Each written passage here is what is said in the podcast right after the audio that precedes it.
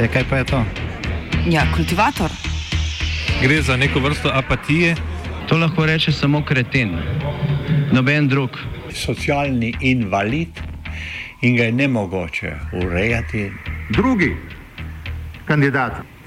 Pa, pa pije, kadi, masturbira, vse kako ti lahko reče. Nihče tega ne ve. Vsak petek skultiviramo dogodek tedna. Lahko po kriterijih radio študent, težko pa po evropskih kriterijih. Ampak na drug način, kot vi to mislite. Kultivator vedno užge. Da pač nekdo sploh omenja probleme, ki so, in da pravzaprav sploh nekdo sproži dogajanje uh, v družbi. To drži, drži. Nemčija za združeno Evropo. S 1. julijem, torej v sredo, je Nemčija od Hrvaške prevzela predsedovanje Evropski uniji. V trojki držav, ki skupaj prevzemajo vodenje sveta Evropske unije do konca naslednjega leta, sta še Portugalska in Slovenija, ki je zadnja in bo na to predsedovanje predala Franciji. Povsem jasno je, da bo v taki družbi držav vpliv Nemčije največji, ključno pa bo kot vedno dogajanje na osi Berlin-Pariz. Prav iz pogajanj med francoskim predsednikom Emmanuelom Macronom in nemško kanclerko Angelo Merkel se je rodil zadnji in morda najbolj presenetljiv predlog gospodarske pomoči za države, ki jih je prizadela koronska gospodarska kriza. Macron in Merkel sta takrat predlagala 500 milijard evrov težak paket pomoči, ki bi bil financiran iz proračuna Evropske komisije, ta pa bi se zanj zadolžila z obveznicami, za katerimi bi stala celotna Evropska unija. Te bi bile precej podobne euroobveznicam, katerim je Nemčija v času krize evroobmočja pred približno petimi leti odločno nasprotovala. O koordiniranju predsedovanja Evropski uniji so se danes na Brdu pri Kranju pogovarjali zunani ministri Nemčije, Portugalske in Slovenije. Pri tem se je portugalski zunani minister Augusto Santos Silva nemškemu kolegu Hajku Masu in gostitelju Anžetu Logarju v gradu Brdo pridružil po video povezavi. Mas prek prevajalca o tem, kaj bodo prioritete predsedujočih držav v prihodnjem letu in pol. Zum Beginn der deutschen Ratspräsidentschaft, die aber auch gleichzeitig der Beginn unserer gemeinsamen Trio-Präsidentschaft ist. V okviru našega trija predsedovanja. Dobro naredili, da smo v zadnjih mesecih že tesno sodelovali in smo pripravili zelo ambiciozen program za trio predsedovanja, da smo se že srečali tudi v Berlinu poprej, pomeni, da smo dobro in dolgoročno se pripravili na našo trio predsedovanje. Znotraj predsedovanja smo se tudi med sabo natančno uskladili. Z začetkom korona krize smo morali vso našo načrtovanje še enkrat prerešetati, pregledati in smo naša najbolj nujna naloga in naš največji izziv našega trija predsedovanja bo, da še nadalje obvladujemo pandemijo. In največji izziv pa bo tudi, da omogočimo ekonomsko in pa socialno okrevanje Evrope. Koronavirus bo najverjetneje vsaj v javnosti zasenčil ostala vprašanja, ki so se zdela še pred nekaj meseci zelo pomembna in jih bo treba še reševati, kot je naprimer izstop Združenega kraljestva iz Evropske unije. Lastne ambicije ima tudi še vedno relativno sveža Evropska komisija, ki se je v svojih prvih mesecih ukvarjala predvsem s pripravami na tako imenovani zeleni dogovor. O ostalih temah spet prek prevajalca MAS. Kar so še nadaljne teme, ki so bile v tema pogovora. To bo Brexit v okviru nemškega predsedovanja Svetu Evropske unije in sicer. Imamo poskusili bomo zaključiti sporazum, smo trdno odločiti. Um, trdno smo odločeni, da bomo ta sporazum zaključili, namreč ta sklenitev sporazuma je časovno omejena do konca leta. Vse ostale teme, ki nas bodo, uh, ki bodo naša tema, torej vladavina plava, Green Deal ali recimo tudi migra migracije ali nadaljevanje digitalizacije, vse te teme bomo obravnavali. Ena glavnih nalog nemškega predsedovanja bo sprejetje sedemletne finančne perspektive Evropske unije. Evropski proračun bo sedaj obogatil tudi program gospodarske pomoči. Izhodišče tega bo francosko-nemški predlog predstavljen maja. Razlaga glavna politična dopisnica Deutsche Welle Melinda Crane. In the recovery plan proposed by Chancellor Merkel and President Macron, which is the basis of the EU Commission's new proposed recovery fund of 750 billion euros, there is a very key step that even a few months ago nobody would have expected Germany to support, namely that the EU Commission can borrow on financial markets and essentially in that way take on joint debt, debt that is shared amongst the different member states.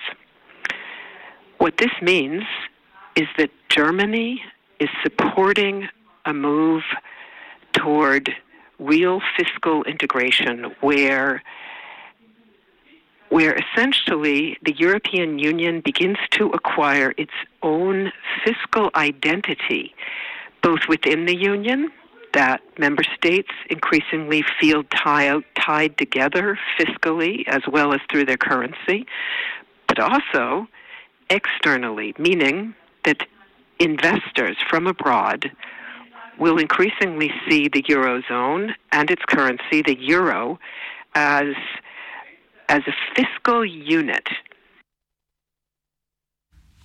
Če bo predlog izdaje skupnega evropskega dolga sprejet, bo to pomenilo veliko prekretnico ne samo v ekonomskem, ampak tudi političnem ustroju Evropske unije. Melinda Crane vidi primerjave v zgodovino Združenih držav Amerike. Now, if we're looking for parallels to that in history, there is a parallel in the United States, and this is the discussion that is sometimes called the Hamiltonian moment.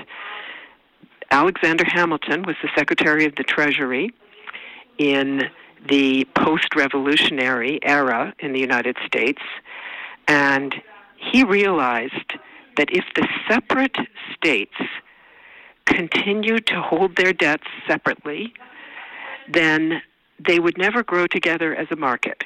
And that it was important to strengthen the United States, that they establish a fiscal identity by sharing debt and by sharing fiscal policy. So, what he did basically was negotiate a very tough deal, and it took quite a while to get agreement on essentially the union, the federal government, taking over the debt from the different states, although some of them had much more debt than others. And as you can imagine, the ones that didn't have much debt didn't like this plan very much. But they finally agreed to a grand bargain, and the debt was mutualized, as we say now.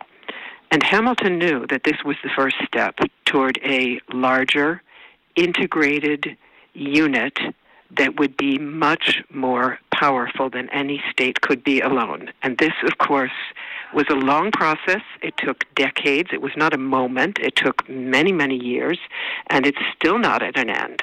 But that process of fiscal integration is what the EU could now be embarking on. Odziv nemške vlade na to krizo je precej drugačen, kot je bil pred leti med krizo evroobmočja. Krajn meni, da je k temu pripomoglo to, da Nemčija to krizo vidi kot veliko večji gospodarski pretres od zadnje. Two things changed. First of all, quantity. As the Chancellor made clear back in March to the German citizens, this is the biggest economic crisis the EU has ever faced in its history, and there's no doubt about that. It's far bigger than the financial crisis uh, that began in 2008 or than the sovereign debt crisis that followed uh, and included, uh, of course, Greece. So the size is one thing that has changed, and related to that size is the fact that this time there is no question the very survival of the Eurozone is at stake. If the gap between Northern and Southern Europe continues to widen, then Southern European countries at some point will find themselves with, uh, unable to borrow money on the markets without paying extremely high interest premia. And there will also be speculation against the euro.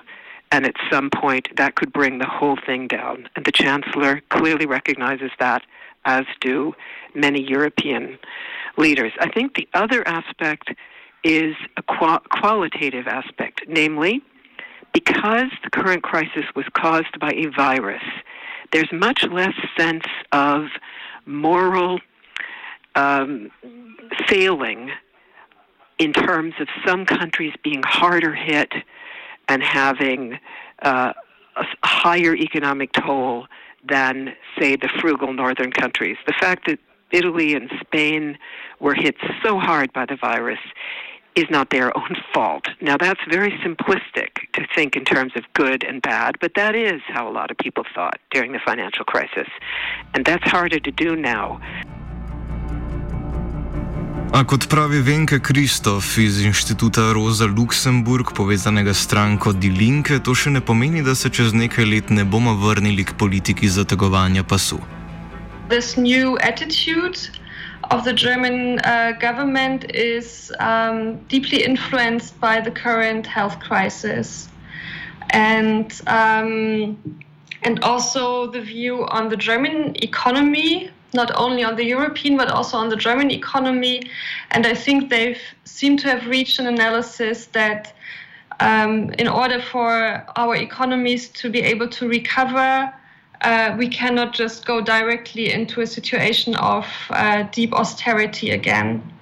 And um, this is something that has definitely changed as opposed to, for example, the debates around uh, the Greek. Um, uh, situation in 2015. And um, I think it relates a lot to um, the stage also we are in at the moment. If you look at the financial crisis in 2008, 2009, um, uh, the debates there, both in German, on the German government, in the public, and the European level, was also not yet about austerity, but about um, uh, saving the economy, um, saving the financial markets, um, the um, the states and the governments having to step in. And I think we are at this point in our current crisis again. And the debates around debt and around austerity, they started uh, like a couple of years later, around 2010, 2011. So I don't think that the German government or the German public is uh, is not going to go back to austerity. This is still a danger I think, um, that we might have to, uh, that we will face maybe in one or two years. Angela Merkel je že pred časom napovedala svoj umik iz vrha nemške vlade. Predsedovanje Evropski uniji je zato verjetno zadnja priložnost, da odloča o njeni usmeritvi. Crane. So, first of all, her term drawing to an end. This is her history book moment. Every state leader at some point arrives at this moment where they have they don't have to try to get elected again. They don't have to try to win people over in the short term, and they can really act for the long term. And although sometimes in the past she has looked pretty lukewarm on Europe, I think when she says of herself that she is a dedicated European, she truly does mean it. I think for a long time during the financial crisis, also during the immigration crisis of 2015. To some degree, she thought she had to bring German citizens along with her and that if they weren't ready, she couldn't act. I think now she has decided she is really going to play a leadership role and that the circumstances are right for her to do that. And therefore, we see her moving ahead in a much bolder way than before. And maybe part of her wants to make good for the fact that she was ambivalent on Europe, or seemed to act ambivalently on Europe for a very long time. She could have done more earlier. Pri politiki, ki je bolj naklonjena globlji evropski integraciji, bo nemški kanclerki pomagala tudi podpora doma, ki se je močno zvišala zaradi njenega ukrepanja ob epidemiji COVID-19, ki ga večina nemške javnosti ocenjuje kot uspešnega. Premik politike v odnosu do Evropske unije podpira tudi večina nemških parlamentarnih strank. Venke Kristof. Most of the most of the parties and like the political sphere in Germany is supporting this um, this change of direction. Uh, you see, uh, and would even want more um, change of a direction in terms of European solidarity. You see this with the Green Party that is quite strong in Germany, like um, around 20% of uh, votes. You see this with the Social Democrats that are, are, in coalition with the CDU, with the Left Party as well.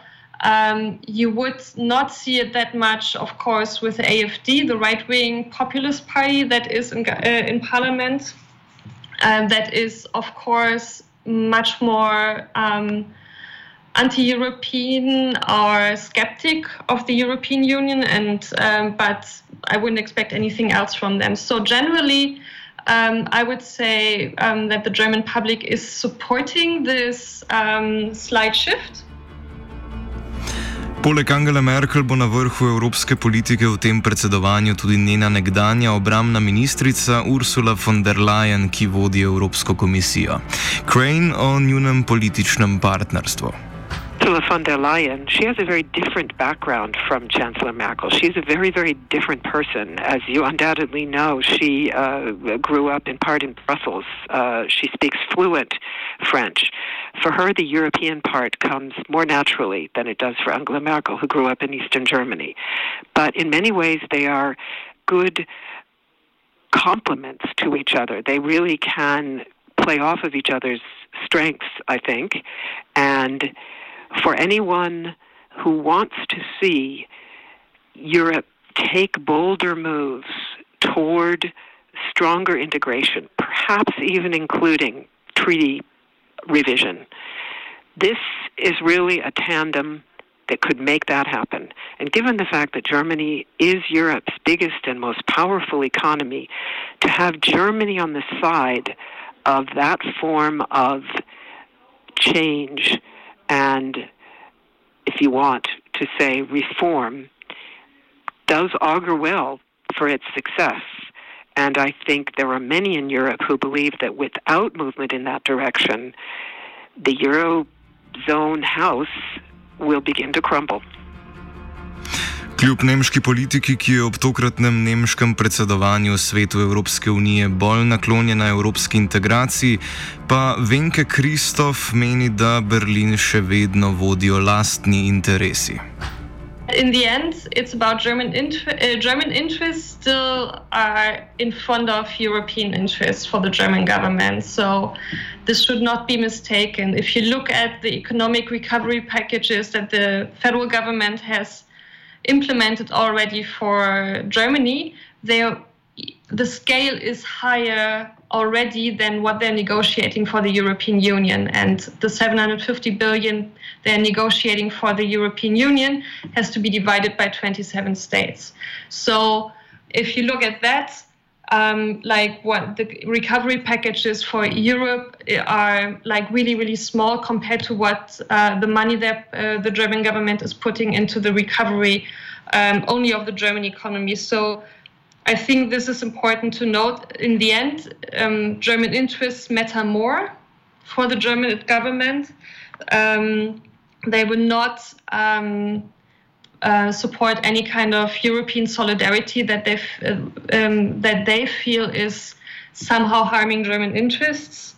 And um, this was also illustrated in the way that German government reacted towards the um, like when the corona crisis started when they for example stopped exports of medical supplies to italy when italy was um, like in the middle of um, of the health crisis there. So um, we shouldn't expect too much in the end from the German government. Kristof je tudi skeptična, da bo nemška vlada močno nasprotovala vladam, ki zagovarjajo antimigransko in nacionalistično politiko. I think the German government will not be the most outspoken, I have to admit, um, against populist voices. And populist or authoritarian um, uh, changes in policies within the EU um, because I think they will want to focus on reaching agreements on a couple of really important topics, like the multi annual financial framework, like these recovery packages, and also, um, I think one of the um, biggest points on the agenda, apart from the recovery and the finances of the EU, will be the asylum package and the whole reform of the migration and asylum policies of the European Union, which was planned actually to be um, like started this debate with a proposal from the Commission beginning of June, and it's still not presented, and they want to wait now for uh, to present this after the financial framework is um, is agreed on, and I think in this combination of needing to set up the finances of the EU for the next seven years, um, regional um, agreements on the economy uh, on the economy packages, and then having this really controversial points of migration and asylum policy on the agenda. I think the German government will try to find agreements, even with populist governments. Um, in several EU countries, and therefore will not try to confront them too much. They might, for example, use some um, negotiations um, in the in terms of finances to even get agreement uh, from these governments on migration. So to kind of negotiate between two these two uh, policy fields. Vodenje Evropske unije bo ne samo v prihodnje pol leta, ampak tudi med predsedovanjem Portugalske v prvi polovici naslednjega leta in Slovenije v drugi, v še večji meri vodila Nemčija.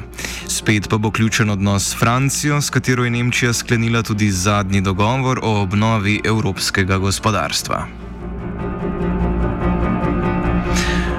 V hitrici in naglici je kultiviral Gale.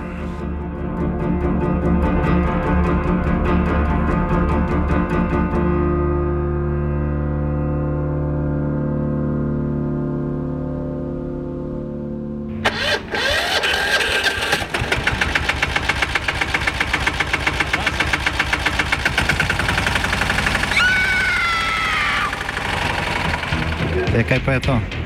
Ja, kultivator. Gre za neko vrsto apatije. To lahko reče samo kreten, noben drug. Socialni invalid in ga je ne mogoče urejati. Drugi kandidat. Pa, pa pije, kadi, masturbira, vse kako hoče lahko reči. Nihče tega ne ve.